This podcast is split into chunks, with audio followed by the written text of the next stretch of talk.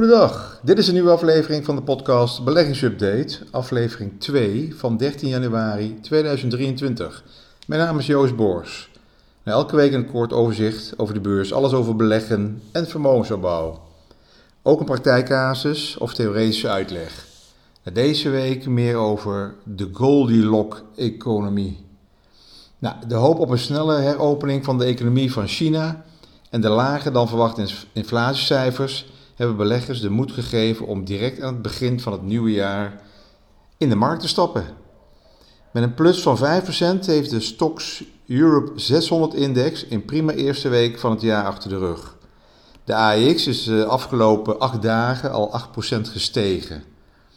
Nou, ondanks dat het aantal nieuwe banen in de Verenigde Staten sterk toenam dan verwacht, stegen urenlonen minder sterk, wat goed is voor inflatiedruk. Dus lagere loonstijging is goed voor inflatie. Nou, deze week was het wachten op de Centrale Bank van Amerika met de CPI-cijfers, het Consumentenprijsindex, over de maand december. Nou, die kwamen dan uh, donderdagmiddag uit. Nou, die waren exact volgens verwachting. Dus eigenlijk uh, de spanning naar afgelopen donderdag uh, was uh, toch behoorlijk groot. Hè. Mensen zaten te discussiëren welke kant het op zou gaan als het cijfer tegen zou vallen of mee zou vallen. Nou, het was precies voor onze verwachting. Dus eerst lichte daling, daarna een stijging. Uiteindelijk ging de Amerikaanse beurs toch weer met een plus er vandoor. Dus je merkt gewoon dat de beurs eigenlijk al voorsorteren op een verdere sterke afname van inflatie en blijven gewoon langzaam oplopen.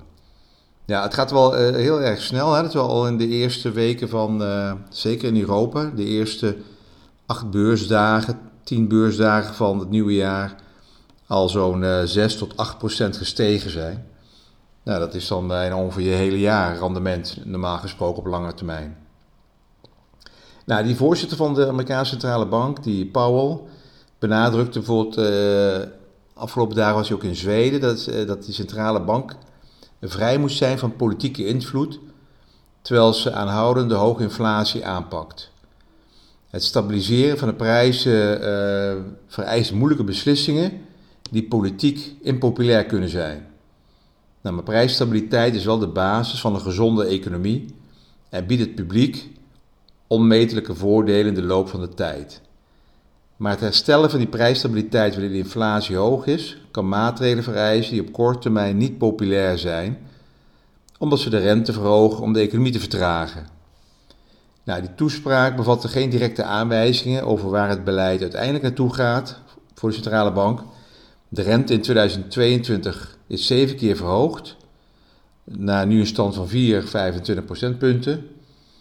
En, eh, maar ze hebben al aangegeven dat het dit jaar, waarschijnlijk meer verhoging op komst zijn. Nou, wat je ook merkt is dat aandelen die fors gedaald zijn, hè, de DOX of de Dow of uh, theorie of welke theorie je ook aanhangt, maar aandelen die fors gedaald zijn, vooral de uh, technologieaandelen, die zijn ook heel snel aan het herstellen. Die de Nasdaq, de technologiebeurs in Amerika, die is ook gewoon heel snel in dit beursklimaat aan het herstellen. Bijvoorbeeld, je hebt Netflix die behoorlijk aan het herstellen is. Amazon is de afgelopen paar dagen ook weer zo'n procent of 10, 12 procent gestegen. ASML is nou, nu ook al een procent of 15, 16 procent gestegen. Uh, toch wel behoorlijke stijgingen voor de laatste uh, 6, 7 beursdagen. Zelfs uh, crypto's beginnen weer wat te herstellen. En het uh, beleggingsplatform uh, voor crypto's als uh, Coinbase. Coinbase is een Amerikaans online broker. beursgenoteerd. Um, voor mij rond de 350 dollar introductieprijs een jaar geleden. En stond een week geleden zo rond de 30. Maar ja, die is ook alweer opgelopen. En staat nu zo'n 45 dollar de neergang in de cryptowereld liet dus ook zijn sporen na bij die Amerikaanse handelsplatform eh, Coinbase. Maar ze schrappen nu zo'n eh, duizend banen, of bijna zo'n 20% van het totale personeelsbestand.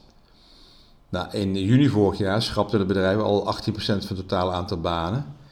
Dus ze zijn behoorlijk die kosten aan het drukken. er wordt gewoon minder gehandeld. Als er minder gehandeld wordt in cryptocurrencies, verdienen ze minder geld. Dus ze moeten gewoon die kosten terugbrengen. Nou, ze hebben die kosten al zo'n 25% verlaagd. Dus dat uh, hopen ze wat, wat, wat meer in lijn te brengen met hun huidige omzet. Nou ja, ze zijn totaal zo'n 80% gedaald, nu alweer ook weer zo'n 20% gestegen. Voor de moedigen onder ons, voor een hele korte termijn handel, zijn dit soort aandelen toch een, een leuke gok. Dan heb je s'avonds ook nog wat te doen. Je kan kijken naar uh, aandelen die uh, allemaal in dat uh, technologiemandje zitten van Katie Wood, hè, zoals Nvidia, Tesla, Netflix, Coinbase zit erin, Teladoc, Teradyne. Het zijn allemaal aandelen die zo'n 80% gedaald zijn en die nu weer wat herstel laten zien. Nou, wat je nu ziet de laatste dagen, wordt er vooral in Amerika weer termen gebruikt om de stand van de economie aan te geven, zoals Goldilocks en stagflatie. Vooral na de laatste inflatie, werkloosheidscijfers en het gevoel dat de centrale bank het waarschijnlijk redt om de economie zacht te laten landen, worden deze, uh, deze twee uh, termen weer uh, vaker genoemd in publicaties. Ik zal deze twee even kort bespreken een Goldilocks-economie. Nou, deze term werd voor het eerst gebruikt in de jaren 90 om aan te geven dat de economie precies goed op de juiste temperatuur zich ontwikkelt. Niet te warm, geen oververhitting en niet te koud, geen recessie. Zodat de centrale bank niet hoeft in te grijpen met het rentewapen. Of niet te fel hoeft in te grijpen. Nou, die term werd uh, geleend uit een Engels sprookje. Amerikaan, Amerikanen en Engelse beursjongens die gebruiken allerlei dingen om... Uh, iets aan te geven, iets aan te, te duiden. Een Engels kinderboek over drie beren en een klein meisje met gouden lokken. Het meisje loopt het huis van de berenfamilie binnen en eet uit een van de drie borden pap, die het beste is, niet te heet, niet te koud, precies goed. Goldilocks economy wordt sindsdien als term vaak gebruikt om periodes van economische groei van 2 tot 3% lage werkloosheid en met een relatief lage inflatie van net onder de 2% aan te geven. Nou, al deze dingen, daar zijn we dus nog niet.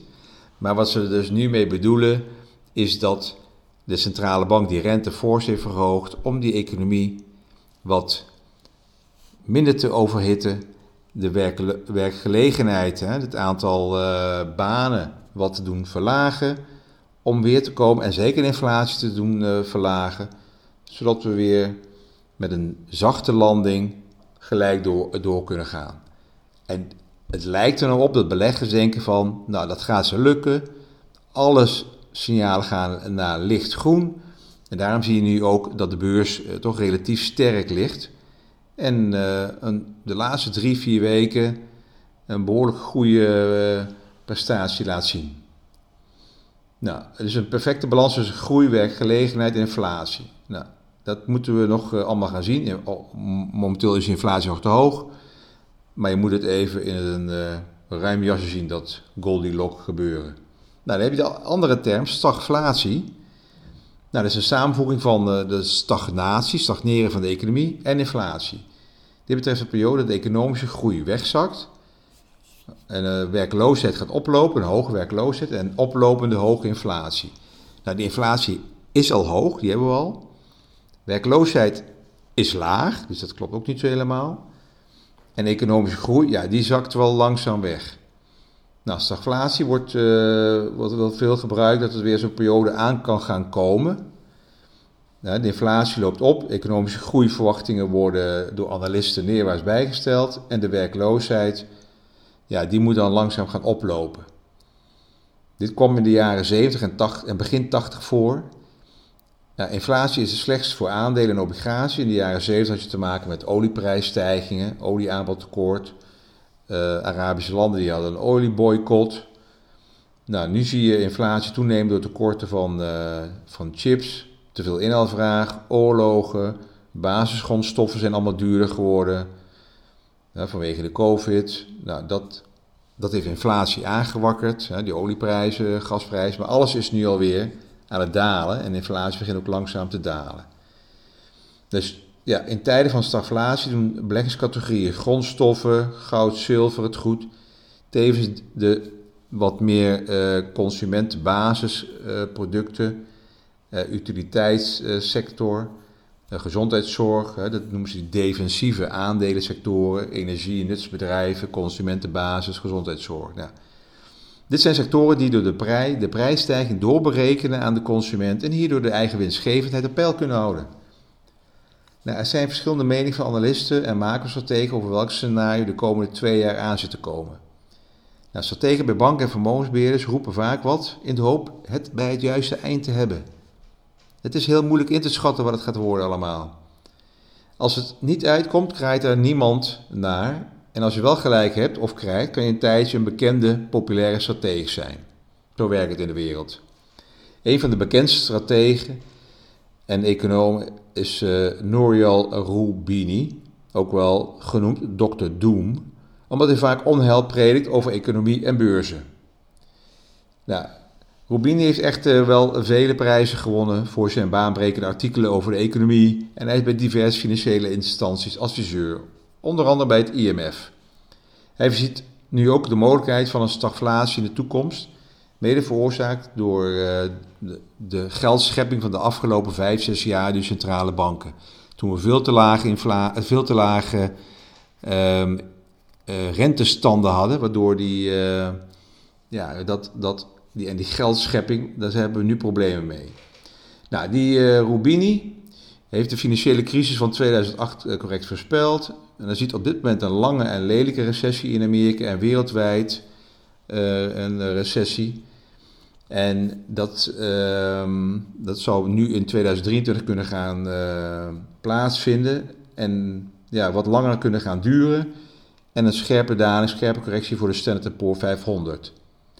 Zelfs in de gewone recessie zou die S&P 500 met 30% eh, kunnen dalen. Nou, volgens mij hebben we al zo'n 20% daling gehad. En nu wat herstel. Maar bij een echte harde landing die hij verwacht, zou het met 40% kunnen dalen. Dus dan moeten we dan nog weer even 20% terug. Maar ja, hij is toch wel vaker negatief, deze Dr. Doom. Dus uh, ja, met zijn uh, diepe Amerikaanse receptie, recessie moet je wel kijken. hij zegt, ja, er zijn te veel schulden, de schuldenraad vooral bij overheden. En die moeten worden afgebouwd. De rente stijgt. Dat betekent dat die kosten van schuldaflossing ook stijgen. En er zullen ook veel zombie-instellingen, zombie-huishoudens, bedrijven, banken, schaduwbanken en zombie-landen sterven, zei hij. Nou, het is allemaal heel erg uh, negatief. Nou, hij waarschuwt uh, dus dat het schuldenniveau ook nadelig is voor aandelen, dat, dat zal wel kloppen. En dat het bereiken van de inflatiecijfer, want iedereen wil naar die 2% toe, hè, alle centrale banken willen naar de 2% toe, zonder een, uh, dus het bereiken van die 2% zonder een harde landing is een mission impossible voor een centrale bank. Hij verwacht dus verdere renteverhogingen. En het zou uh, kunnen zijn dat dit jaar die centrale bank in Amerika naar een niveau moet gaan van 5,5% in de rentestand. We zitten nu op 4 en een kwart. Dus nog een paar uh, renteverhogingen. Ja, dat betekent uh, dat die, de Fed dus nog niet klaar is. Maar dat, dat heeft de centrale bank in Amerika ook al aangegeven. Dus we moeten even kijken hoe ze daar eh, de komende maanden uh, mee omgaan. Nou, het huidige doel van die FED is dus te gaan voor groeirecessie, een langdurige periode van magere groei en stijgende werkloosheid om die inflatie in te dammen. Ja, of Rubini, Dr. Doom, gelijk krijgt, valt te bezien. Er zijn meer roependen in de woestijn, ook met andere meningen. Uh, dus maar één van de goeroes. Nou, kijk wat je ermee doet. Het zijn weer spannende tijden, maar voorlopig ziet die beurs er toch wel wat uh, sterk uit en zal nog wat kunnen herstellen opwaarts. Dus aandelen als AXO, Philips, ASML, dat zijn allemaal aandelen die kunnen profiteren van dit korte herstel. Nou, dank voor het luisteren. Alles op persoonlijke titel, geen direct beleggingsadvies en op, op basis van openbare informatie. Tot de volgende week.